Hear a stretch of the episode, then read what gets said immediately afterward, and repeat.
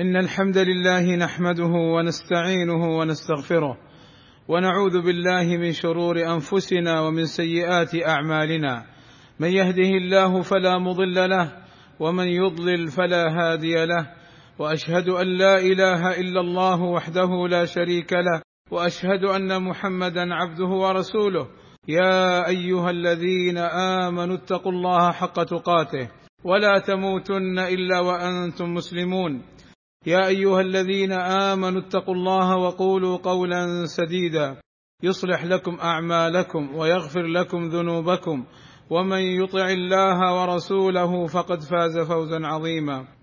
ألا وإن أصدق الكلام كلام الله وخير الهدى هدى محمد صلى الله عليه وسلم. وشر الأمور محدثاتها. وكل محدثة بدعة. وكل بدعة ضلالة. وكل ضلالة في النار.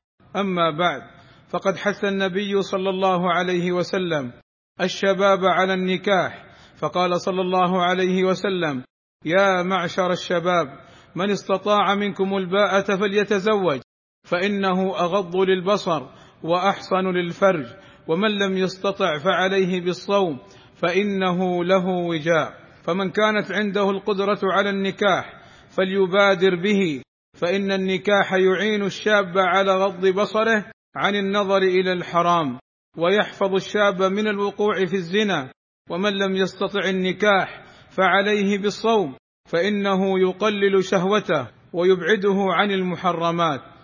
وما يفكر به بعض الشباب أو الشابات من تأخير الزواج إلى أن يبنوا بيتا أو يؤمنوا مستقبلهم أو يكملوا دراساتهم كل هذه أفكار دخيلة. وقد نهى النبي صلى الله عليه وسلم عن التبتل والتبتل الانقطاع عن النساء وترك النكاح. وامرأة بتول منقطعة عن الرجال لا شهوة لها فيهم. ثم ما المانع؟ أن يكمل دراسته أو تكمل دراستها في ظل النكاح. وقد يقول قائل الزواج مشاكل ولا يمكن معه ذلك. وهذه من الشبهات الصارفة عن النكاح.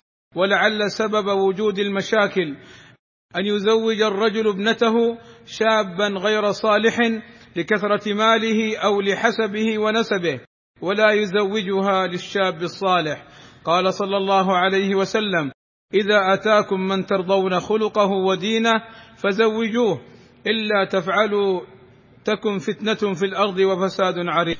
فالشاب الصالح المستقيم على الكتاب والسنة وهدي السلف الصالح رضي الله عنهم البعيد عن الشبهات والشهوات صاحب الأخلاق الطيبة والكلمة الطيبة البعيد عن سيء الأخلاق. فإذا زوجها شابا صالحا فإنه يخاف الله فيها ويراعيها ويحافظ عليها وتكون حياتهم طيبة. ومن الأسباب حرص الشاب على الزواج بالشابة الجميلة ولا يبحث عن دينها وخلقها. قال صلى الله عليه وسلم الدنيا كلها متاع وخير متاع الدنيا المرأة الصالحة.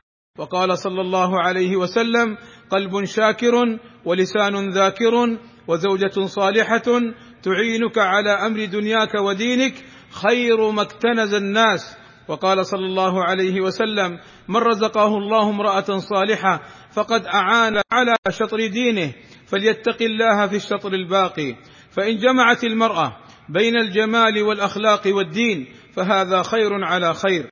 ولكن أن تكون جميلة وأخلاقها سيئة فهذا من الشقاء. قال صلى الله عليه وسلم سعادة لابن آدم ثلاث وشقاوة لابن آدم ثلاث. فمن سعادة ابن آدم الزوجة الصالحة والمركب الصالح. والمسكن الواسع وشقوة لابن آدم ثلاث المسكن السوء والمرأة السوء والمركب السوء.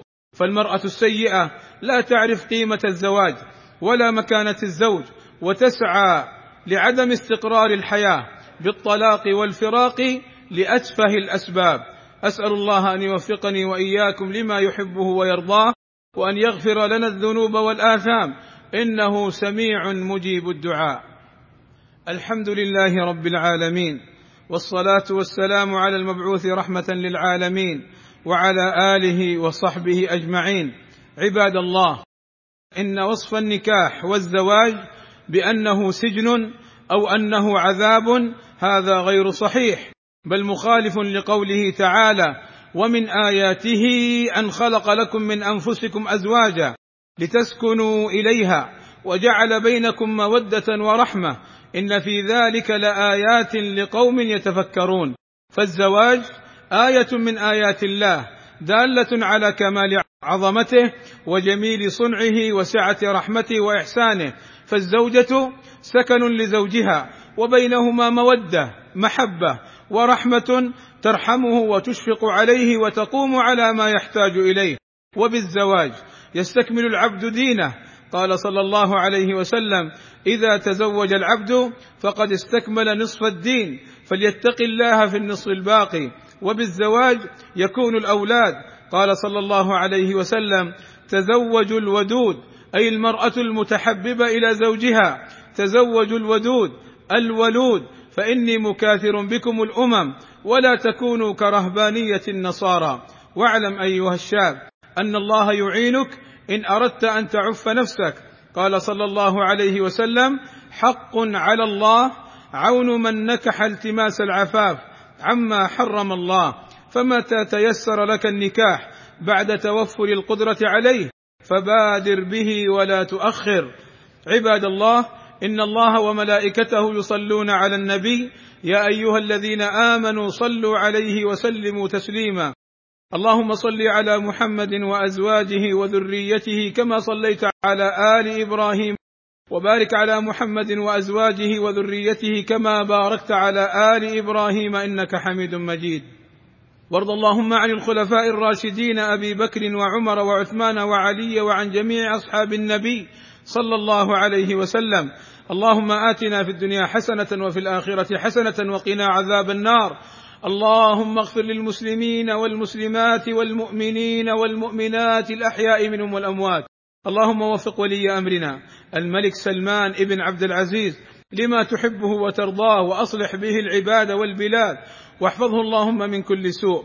ووفق ولي عهده الأمير محمد ابن سلمان إلى كل خير. واحفظه اللهم من كل سوء. اللهم أيدهما بتأييدك ووفقهما بتوفيقك وأعز بهما الإسلام والمسلمين وصلى الله وسلم على نبينا محمد وعلى آله وصحبه أجمعين والحمد لله رب العالمين